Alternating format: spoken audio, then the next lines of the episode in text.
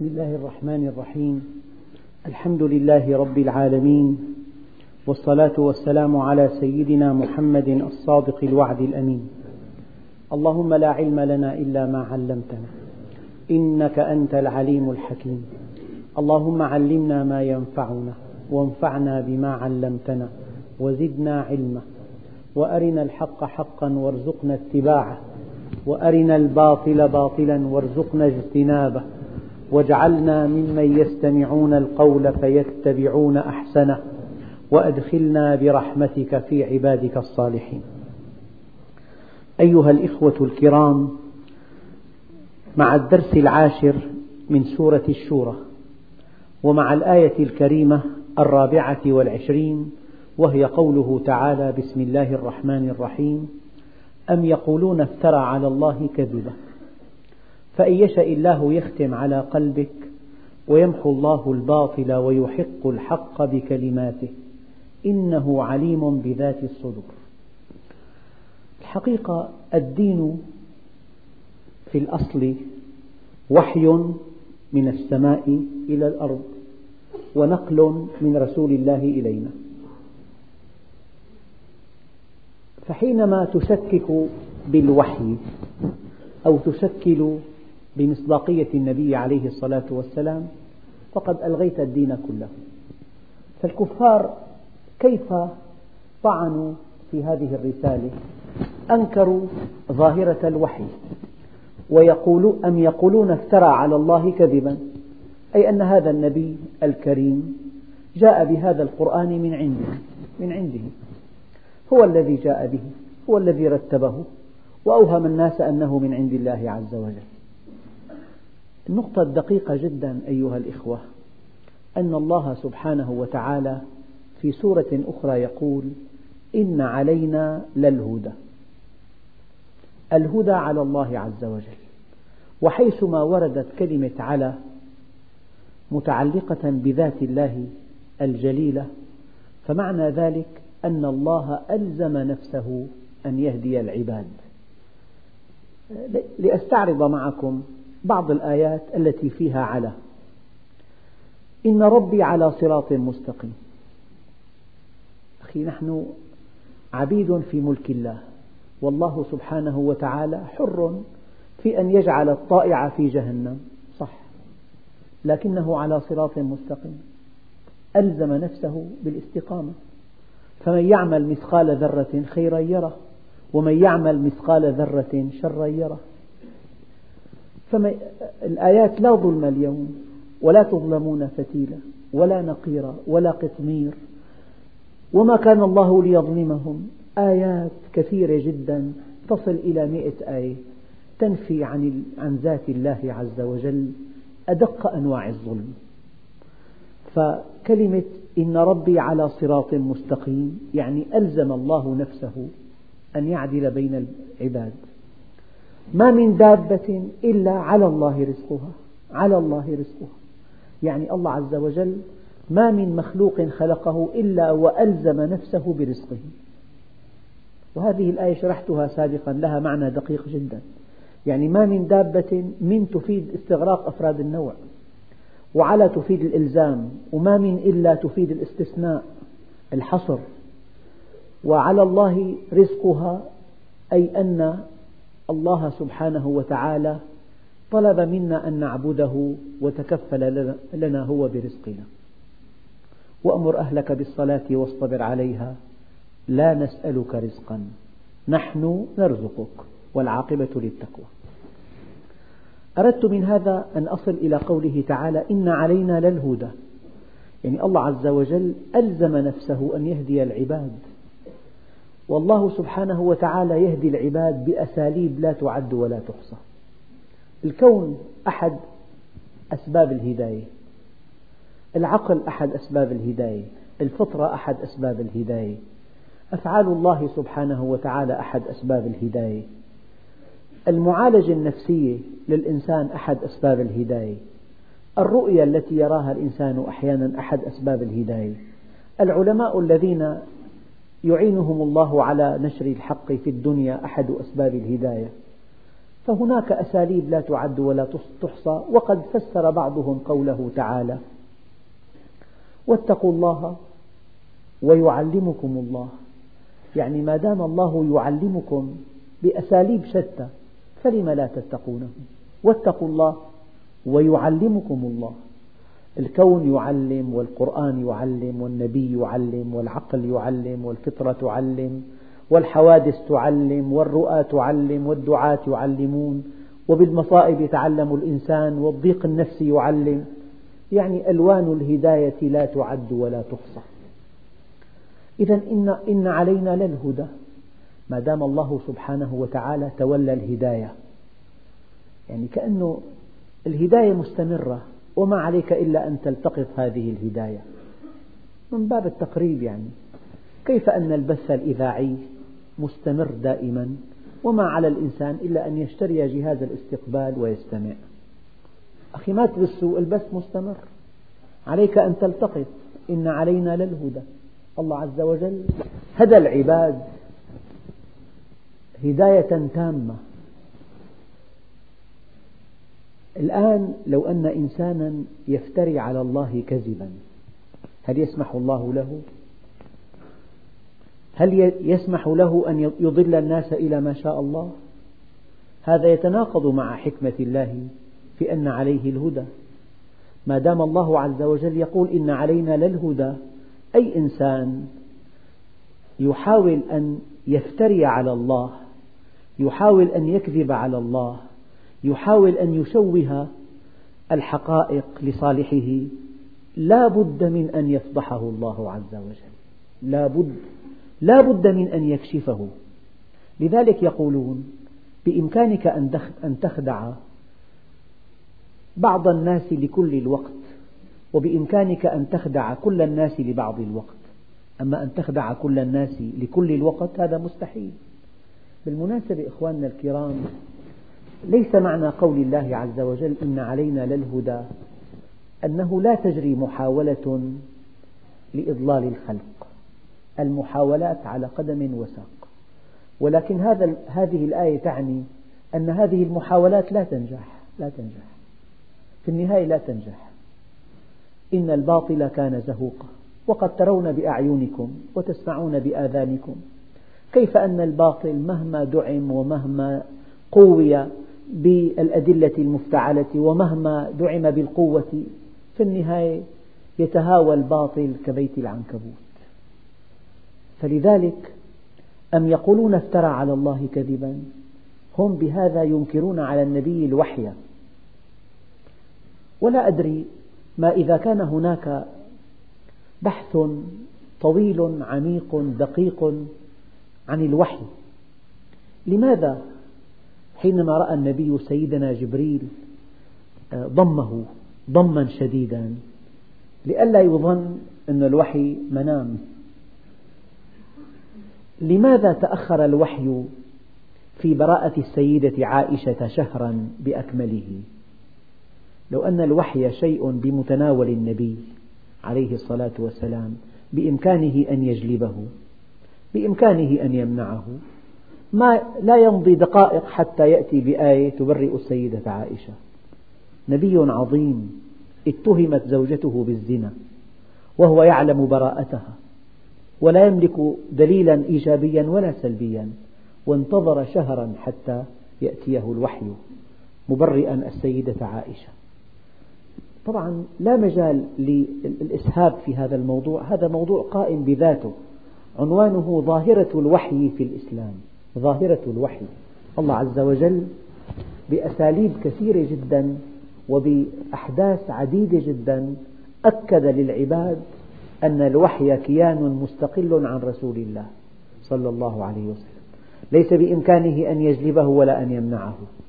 وقد يأتي الوحي معاتبا النبي عليه الصلاة والسلام. وقد يأتي الوحي ليثبت حقيقة اتهمها اتهم به آه، خصوم النبي اتهموه بالجنون اتهموه بالكهانة اتهموه بالشعر الوحي أثبت ذلك. لو أن الأمر بيد رسول الله لأغفل هذه التهم لأنها أصبحت قرآنا يتلى إلى يوم القيامة.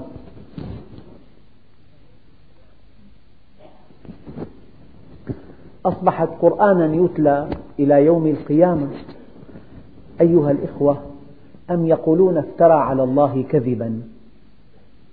فإن يشاء الله يختم على قلبك. لو طبقنا هذه القاعدة على إنسان دعا إلى الله. أيضا لو كان في نوايا سيئة لتلعثم المتكلم لانصرف الناس عنه ولو كنت فظا غليظ القلب لانفضوا من حولك يعني ما أخلص عبد لله عز وجل إلا جعل قلوب العباد تنهال إليه بالمودة والرحمة. يعني القلوب بيد الله عز وجل. إذا علم الله من إنسان كذبا أو نفاقا أو تزويرا أو إضلالا أو انحرافا يصرف عنه القلوب. يتهمه الناس. قلوبهم تنفر منه. فإن يشاء الله يختم على قلبك. ويمحو الله الباطل ويحق الحق بكلماته. الله عز وجل بكلماته التامة بكلماته الثابتة يمحو الله الباطل ويحق الحق. دعونا أو لننتقل معكم إلى التاريخ. هؤلاء الذين عارضوا النبي عليه الصلاة والسلام هؤلاء الذين كذبوه هؤلاء الذين ادعوا النبوة. هؤلاء الذين حرفوا الإسلام عن خط سيره. وما أكثرهم؟ ما أكثر الفرق الإسلامية؟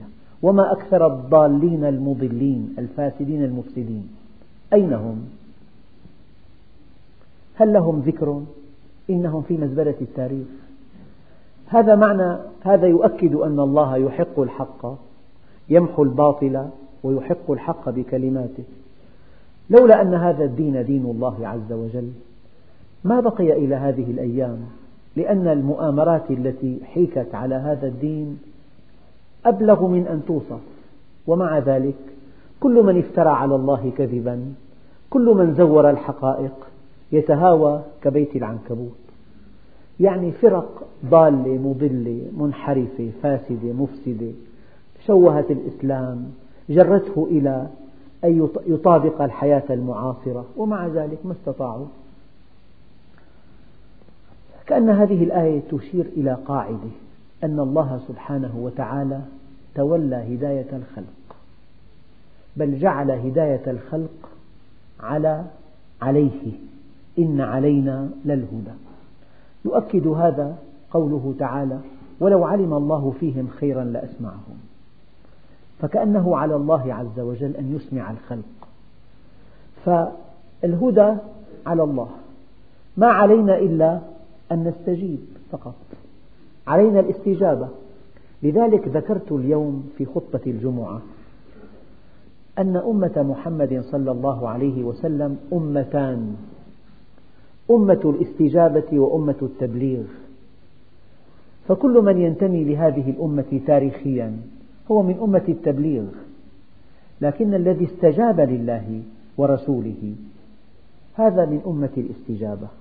لذلك كل الآيات التي تثني على أمة سيدنا محمد وتمني وتعد أمة سيدنا محمد بالغلبة والنصر والتمكين والاستخلاف والتأييد هذه الأمة هي أمة الاستجابة الذين استجابوا لربهم. يا أيها الذين آمنوا استجيبوا لله وللرسول إذا دعاكم لما يحييكم. إذا هذه الآية تؤكد أن الذي يفتري على الله أن الذي يكذب على الله أن الذي يضل العباد أن الذي يجر الحق إلى صالحه أن الذي يطمس أن الذي لا يبين أن الذي يكتم أن الذي يسعى بشكل أو بآخر بطريقة أو بأخرى أن يضل الناس. الله له بالمرصاد. لا بد من أن يفضحه. لا بد من أن يكشفه. لا بد من أن يحبس لسانه. لا بد من أن يجعل الناس ينفضون من حوله. لذلك أم يقولون افترى على الله كذبا؟ لو كنت كذلك يا محمد فإن يشاء, فإن يشاء الله يختم على قلبك. ولو تقول علينا بعض الأقاويل لأخذنا منه باليمين ثم لقطعنا منه الوتين فما منكم من أحد عنه حاجزين. إنسان يلعب بدين الله؟ أخواننا الكرام أنقل لكم بعض الكلمات. يقول الإمام الغزالي العوام لأن يرتكبوا الكبائر أهون من أن يقولوا على الله ما لا يعلمون لأنهم يضلون الخلق والله لا يسمح لهم. الإمام الغزالي يقول لأن أرتزق بالرقص أهون من أن أرتزق بالدين لأن الذي يرتزق بالدين يلعب بدين الله عز وجل. يحركه لصالحه والله لن يسمح له يقسمه لأن الله عليه الهدى تولى هداية الخلق. فكل إنسان يستخدم, يستخدم الهدى ليجر المصالح إلى ذاته الله له بالمرصاد. فلو أن النبي عليه الصلاة والسلام وهو سيد الخلق وحبيب الحق لو تقول علينا بعض الأقاويل لأخذنا منه باليمين ثم لقطعنا منه الوتين فما منكم من أحد عنه حاجزين. أم يقولون افترى على الله كذبا؟ فإن يشاء الله يختم على قلبك. وكل إنسان دعا إلى الله أيها الإخوة ليحذر أن يتكلم في آية أو في حديث أو في حكم فقهي أن يتكلم ليجر مصلحة إليه أو ليبعد خطرا عنه. لقد خان الأمانة. لذلك الآية الكريمة الذين يبلغون رسالات الله ويخشونه ولا يخشون أحدا إلا الله. هؤلاء الذين يبلغون رسالات الله ينبغي أن يخشون الله وحده ولا يخشون أحدا إلا الله. ولو أنهم خافوا غير الله فسكتوا عن الحق خوفا ممن يخافونهم أو نطقوا بالباطل إرضاء لمن يخافوهم. إرضاء لمن يخافونهم سقطت دعوتهم فماذا بقي من دعوتهم؟ ملخص الملخص الله هو الهادي وهو تولى هداية الخلق وقد تجري آلاف المحاولات لإضلال البشر لكنها لا تنجح ولا يحق في النهاية إلا الحق ولا يستقر إلا الحق ولا يتألق إلا الحق والباطل زهوق. ولو عمر سبعين عاما. إن الباطل كان زهوقا أم يقولون افترى على الله كذبا؟ فإن يشأ الله يختم على قلبك ويمحو الله الباطل ويحق الحق بكلماته. يعني كلمة من كلمات الله تنهي باطلا وتحيي حقا. إنه عليم بذات الصدور. أنت كإنسان لك الظاهر لكن الواحد الديان يعلم السر وأخفى. يعلم ما أخفيته عن الناس ويعلم ما يخفى عنك أيضا. أنت مكشوف عند الله. إذا في نوايا هناك من يجر الآية لصالحه ليغطي انحرافه ليقنع الناس بأنه على حق. هناك من يلعب بكلمات الله بأحاديث رسول الله. الصحيح يضعفه والضعيف يقويه من أجل فرية أو, أو, أو انحراف. أو إرضاء لإنسان لزيد أو عبيد فالله سبحانه وتعالى يتولى فضحه ويتولى كشفه وهذه المحاولة لا تنجح. يعني مثلا الله عز وجل يقول إنا نحن نزلنا الذكر وإنا له لحافظون. طيب ألم تجري محاولات لتغيير كلمات الله؟ جرت لكنها ما نجحت. قبل خمسين عام فيما أذكر فيما سمعت طبعت طبع خمسين ألف نسخة من مصحف الله من هذا المصحف. حذفت منه كلمة واحدة. ومن يبتغي الإسلام دينا فلن يقبل منه. قاموا كلمة غيرة؟ النسخ كلها أتلفت وأحرقت. ما نجحت المحاولة؟ يعني إذا كان الله عز وجل تولى حفظ كلامه ليس معنى هذا أنه لا تجري محاولات لتشويه كلامه لكنها لا تنجح. أن الإنسان مخير في الدنيا مخير. إن الذين كفروا ينفقون أموالهم ليصدوا عن سبيل الله فسينفقونها ثم تكون عليهم حسرة. ثم يغلبون بالنهاية. دقق في قوله تعالى والعاقبة للمتقين. العوام يقولون كلام يعجبني يقول لك ما بصح إلا الصحيح؟ الأمور تتحرك وتسير وتضطرب وتتداخل وفي النهاية لا يحق إلا الحق ولا يصح إلا الصحيح ولا يستقر إلا ما أراده الله عز وجل. عبدي أنت تريد وأنا أريد. فإذا سلمت لي فيما أريد كفيتك ما تريد. وإن لم تسلم لي فيما أريد أتعبتك فيما تريد ثم لا يكون إلا ما أريد. لذلك أسعد إنسان هو الذي آمن بالحق. وانسجم معه فكانت النهاية له. لما الإنسان آه، بخالف الحق تضطرب نفسه ويختل توازنه وقد يحمله, يحمله هذا الضيق النفسي على أن ينتحر. قلت لكم قبل درسين أو ثلاثة إنسان يعني يتمتع بأعلى مكانة في فرنسا.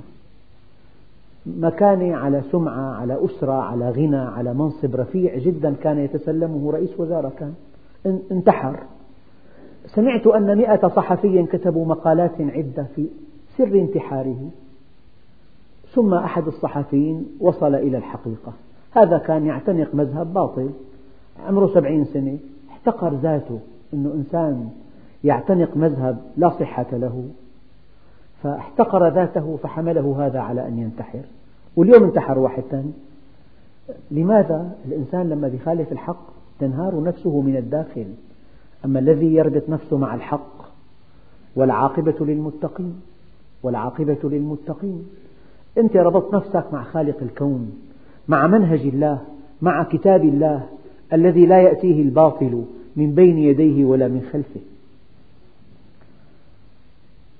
إنه عليم بذات الصدور. الآن هؤلاء الذين ظلموا أنفسهم وانحرفوا وقصروا باب الرحمة مفتوح. الحقيقة أرجى آية في كتاب الله قل يا عبادي الذين أسرفوا على أنفسهم لا تقنطوا من رحمة الله. باب التوبة مفتوح. لله أفرح بتوبة عبده من الضال الواجد والعقيم الوالد والظمآن الوارد. والنبي عليه الصلاة والسلام ذكر قصة تعرفونها جميعا.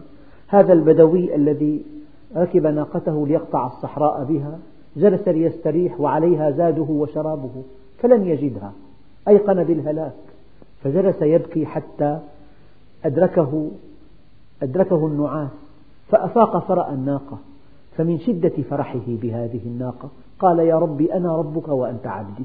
هكذا ورد في الحديث. يقول الله عز وجل لله أفرح يقول عليه الصلاة والسلام لله أفرح بتوبة عبده من ذلك البدوي بناقته يعني إذا أنت اصطلحت مع الله ضبطت أمورك ضبطت جوارحك ضبطت بيتك ضبطت دخلك أنفاقك بناتك أولادك علاقاتك ندواتك سهراتك سيارينك كله ضبطته وفق الشرع. معنى ذلك أنك اصطلحت مع الله جعلت بيتك إسلاميا وعملك إسلاميا وربيت أولادك التربية الصالحة. وحملتهم على طاعة الله وحفظت بناتك من كل تقصير أو انحراف. أنت الآن مصطلح مع الله. الله يفرح بك برحمته لخلقه لذلك يقول الله عز وجل وهو الذي يقبل التوبة عن عباده. والله أيها الإخوة ما أعرف شعورا يسعد الإنسان كشعوره أن الله قبل توبته. ملك الملوك يقبلك يرضى عنك يمحو لك خطيئاتك يغفر لك ما كان منك من قبل. إذا تاب العبد توبة نصوحا أنسى الله حافظيه والملائكة وبقاع الأرض كلها خطاياه وذنوبه. ابن آدم لو جئتني بملء السماوات والأرض خطايا غفرتها لك ولا أبالي. نعم. وهو الذي يقبل التوبة عن عباده ويعفو عن السيئات ويعلم ما تفعلون. أخواننا الكرام ما دام القلب ينبض فأنت في بحبوحة. بإمكانك أن تتوب. بإمكانك أن تصلح ما كان منك. بإمكانك أن تؤدي الحقوق إلى أصحابها. بإمكانك أن تؤدي الذمم التي عليك. بإمكانك أن تعيد اقتسام الإرث إذا في ظلم. إذا وضع الأخ الكبير يده على أموال والده المتوفى وحرم إخوته الصغار فهو محجوب عن الله عز وجل. بإمكانه أن يعيد توزيع الإرث. إياك أن ترجئ ترجئ انحرافا أو مالا حراما إلى إلى المستقبل. فقد لا يأتي المستقبل. فلذلك من الآن والله الذي لا إله إلا هو ما رأيت أعقل من الذي اصطلح مع الله في وقت مبكر. وسوى علاقاته مع الله. الزمم الحقوق البيت. استقم. إن استقمت على أمر الله رأيت الطريق إلى الله سالكا. وإذا اتصلت بالله عرفت معنى القرب. وعرفت لماذا قال أحد العارفين بالله لو يعلم الملوك ما نحن عليه لقاتلونا عليها بالسيوف. إن استقمت على أمر الله وأقبلت عليه وأخلصت الوجهة إليه عرفت معنى أن في الدنيا جنة من لم يدخلها لم يدخل جنة الآخرة. تذوقت معنى قوله تعالى ولمن خاف مقام ربه جنتان عرفت معنى قوله تعالى أم حسب الذين اجترحوا السيئات أن نجعلهم كالذين آمنوا وعملوا الصالحات إله إله في, في, في علاه. يقول لك المؤمن له معاملة خاصة له, له علاقات خاصة. له زواج خاص له عمل خاص له سعادة نفسية خاصة. أنت إذا عرفت الله مستثنى مما يصيب معظم الناس. لكن أفمن كان مؤمنا كمن كان فاسقا لا يستوون. أفنجعل المسلمين كالمجرمين؟ معقول الكلام. ما لكم كيف تحكمون؟ أفمن وعدناه وعدا حسنا فهو لاقيه؟ كمن متعناه متاع الحياة الدنيا؟ ثم هو يوم القيامة من المحضرين. هكذا ظنك بالله عز وجل؟ إنسان شاب في مقتبل العمر يخشى الله يرجو ما عند الله يؤدي الصلوات يستمع إلى مجالس العلم يطلب العلم في شبابه يبتغي زوجة مؤمنة يتوخى عملا صالحا يتوخى حرفة ترضي الله عز وجل. هذا الإنسان يعامل كما يعامل شاب فاسق منحرف. مستحيل. وهو الذي يقبل التوبة عن عباده ويعفو عن السيئات ويعلم ما تفعلون. ويستجيب الذين آمنوا وعملوا الصالحات ويزيدهم من فضله. دققوا في هذه الآية. يا أيها الذين آمنوا استجيبوا لله وللرسول إذا دعاكم لما يحييكم. والله الإنسان قبل أن يعرف الله ميت. ميت يقول سيدنا علي كرم الله وجهه يا بني مات خزان المال وهم أحياء والعلماء باقون ما بقي الدهر أعيانهم مفقودة وأرواحهم في وأمثالهم في القلوب موجودة تحيا بالعلم تحيا بمعرفة الله تحيا بطاعة الله تحيا بابتغاء مرضاة الله تحيا في بيت الله. تحيا بهذا القرآن تحيا بتطبيق سنة النبي العدنان بهكذا تحيا. نعم. ويستجيب الذين آمنوا. إذا كنت من, من الذين استجابوا فأنت من أمة الاستجابة أنعم بها من أمة. كل الآيات التي تتحدث عن أمة رسول الله كنتم خير أمة أخرجت للناس. من هي؟ أمة الاستجابة. أمة الاستجابة لا أمة التبليغ. كل إنسان ولدان ببلد عربي بحكم انتمائه التاريخي يقول لك أنا مسلم وأنا من أمة محمد. هذا شيء لا يعتبر إطلاقا ولا يعبأ به. لا تسمى من أمة محمد صلى الله عليه وسلم إلا إذا كنت من أمة الاستجابة. أما كلنا جميعا بحكم انتمائنا التاريخي من أمة التبليغ لا من أمة الاستجابة. ويستجيب الذين آمنوا وعملوا الصالحات ويزيدهم من فضله.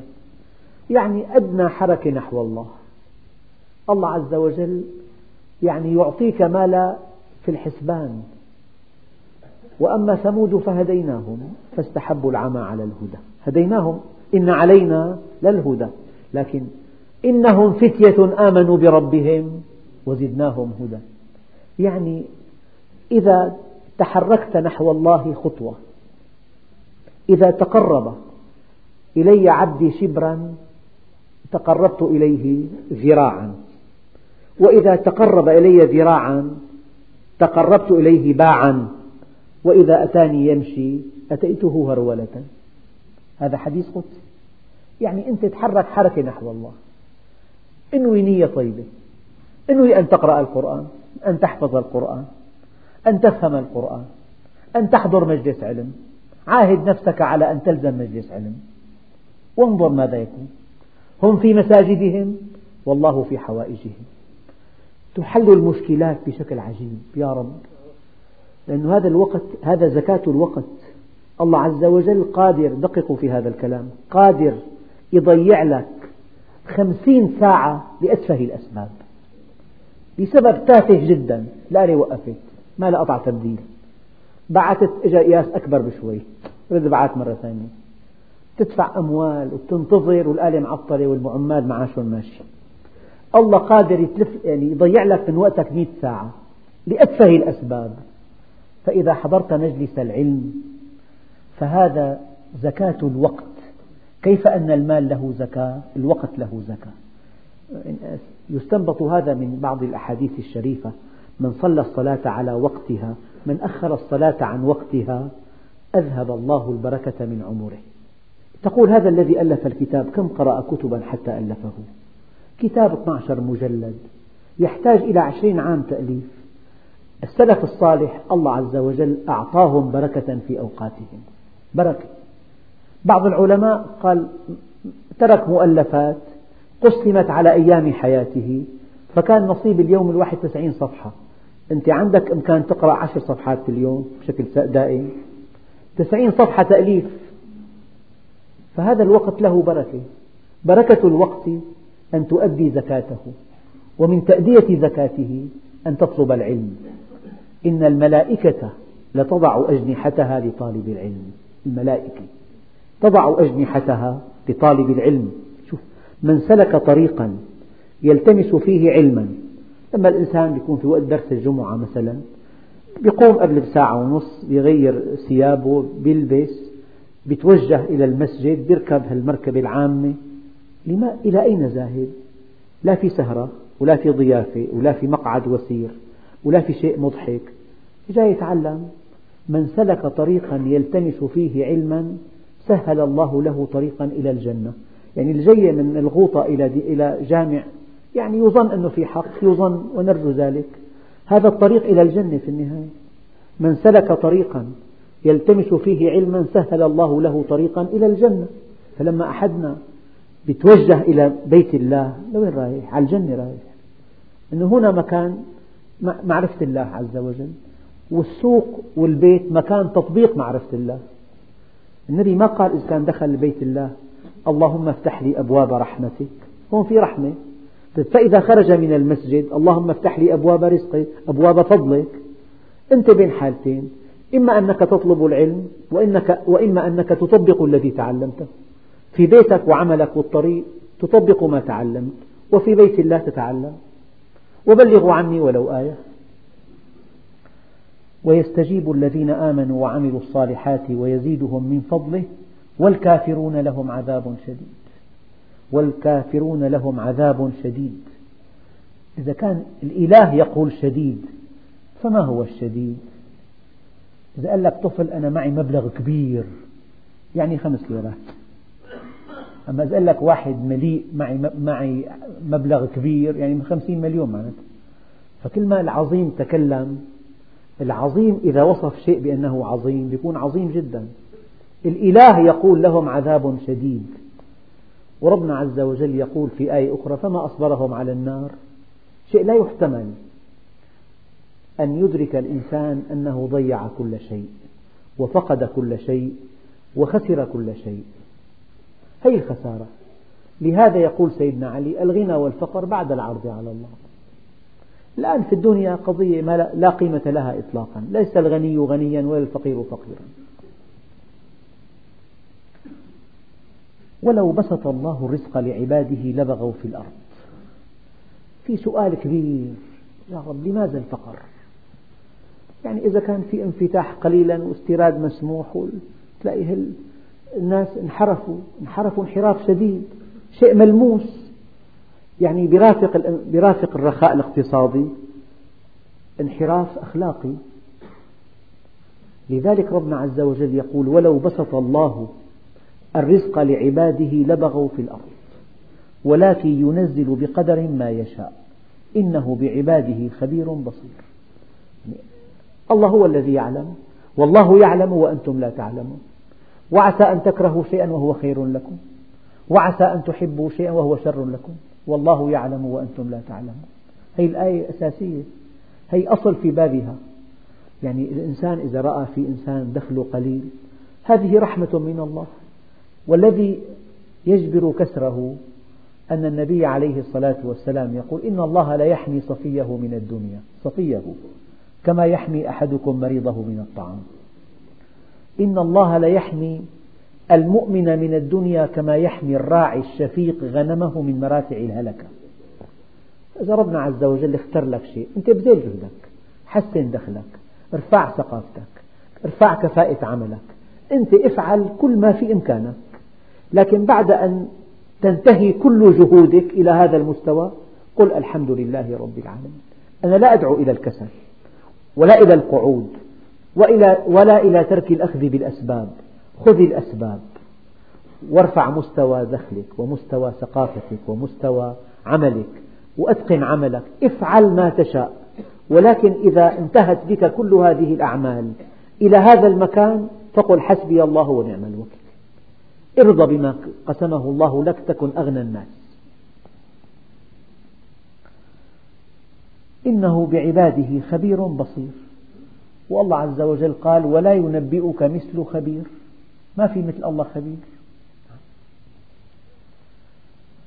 وأحيانا يجعل سنوات قاحلة. الناس يجأرون بالدعاء يا رب يا رب. أنا علمت قبل عدة سنوات يعني المحاصيل محاصيل القمح ثلاث ملايين طن. حاجة قطرنا كله مليون طن. ثلاث أمثال حاجتنا وفي سنوات 250 ألف طن. يعني ربع حاجتنا. فالله عز وجل بيده المحاصيل يزيدها ويقللها بيده الثمار بيده الإنتاج بيده مياه الأمطار. يعني قلت مياه حوض دمشق إلى درجة أن الناس يئسوا. يعني أشرفنا على الجفاف. عشر سنوات تقريبا معدل الأمطار كان 130 120 160 ملم إلى أن يئس الناس وظنوا أنه خطوط المطر تغيرت. وسوف نلقى جفافا قاحلا. فجأة العام قبل الماضي 350 ملم دمشق. العام الماضي 350 الحالي حوالي 200 الآن. وصلنا يعني الله بيده كل شيء. كل الخزائن بيده. كل الرزق بيده. وهو الذي ينزل الغيث من بعد ما قنطوا وينشر رحمته. وهو الولي الحميد. أيها الإخوة الكرام القنوط من رحمة الله علامة عدم معرفة الله. القنوط من رحمة الله في القرآن الكريم كفر وجهل ويأس. لذلك الإنسان حينما تضيق به الأمور وحينما يظن أن السماء قد شحت فلا تمطر وأن الأرض قد يبست فلا تنبت. إذا وصل إلى القنوط فهذه حالة لا ترضي الله عز وجل. لكن الله يقول وهو الذي ينزل الغيث من بعد ما قنط وينشر رحمته. قلت لكم قبل قليل أخ كريم يعمل في يعني حوض دمشق. قال لي قبل عدة سنوات قال لي انتهى. لا بد من أن يرحل أبناء هذه المدينة لجفاف الماء. هكذا قال لي بالضبط. ما في ماء. يعني الحوض المائي في دمشق وصل إلى أقل مستوى. وكل شيء كان مهدد بالجفاف. وبعد ذلك جاءت الأمطار. في أنهر أيها الإخوة. من ثلاثين عام جافة. الآن فجرت وسالت مياهها. بعض الينابيع في في آه، منين؟ إلى الشام وصلت. إلى الشام وصلت. فلذلك لما ربنا بيعطي يدهش. فالمؤمن دائما يثق بالله. لو كان في ضيق مؤقت ضيق طارئ هذا الضيق تربوي ضيق تربوي. والله عز وجل يعني ما يفعل الله بعذابكم إن شكرتم وآمنتم. فكل أنواع الضيق والتشديد هذا من أجل أن نرجع إليه. فإذا رجعنا إليه زال هذا الضيق. وربنا عز وجل لو الناس ما رجعوا بنوع العلاجات يبلوهم بالشر فهل يرجعون؟ هل يخافون؟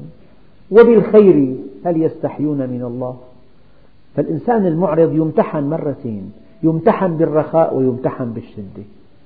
يا ترى هل الشدة ترجعه إلى الله؟ تأتي الشدة.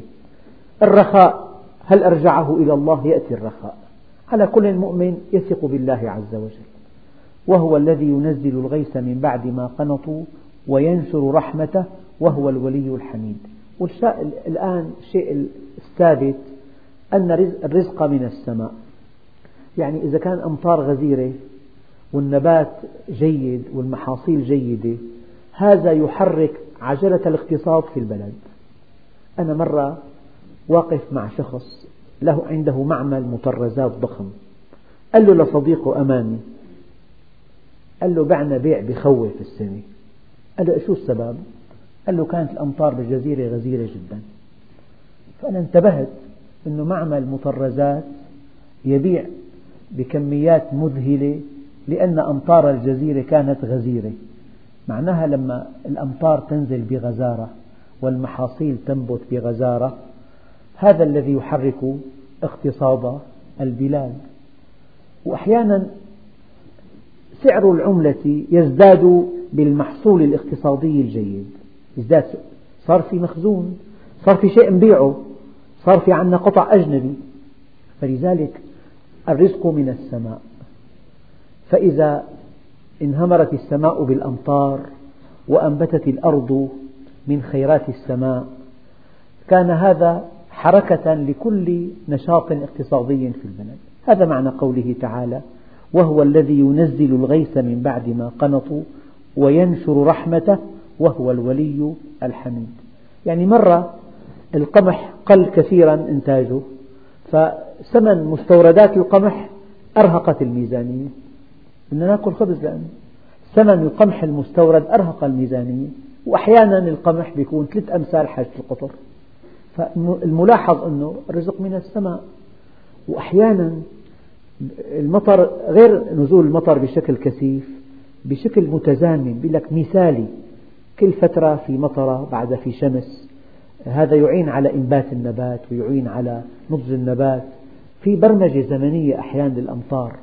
فالله هو الرزاق هو المتصرف هو المعطي هو المانع هو المغني هو المفقر. نعم. وفي درس آخر إن شاء الله تعالى ننتقل إلى قوله تعالى ومن آياته خلق السماوات والأرض وما بث فيهما من دابة وهو على جمعهم إذا يشاء قدير والحمد لله رب العالمين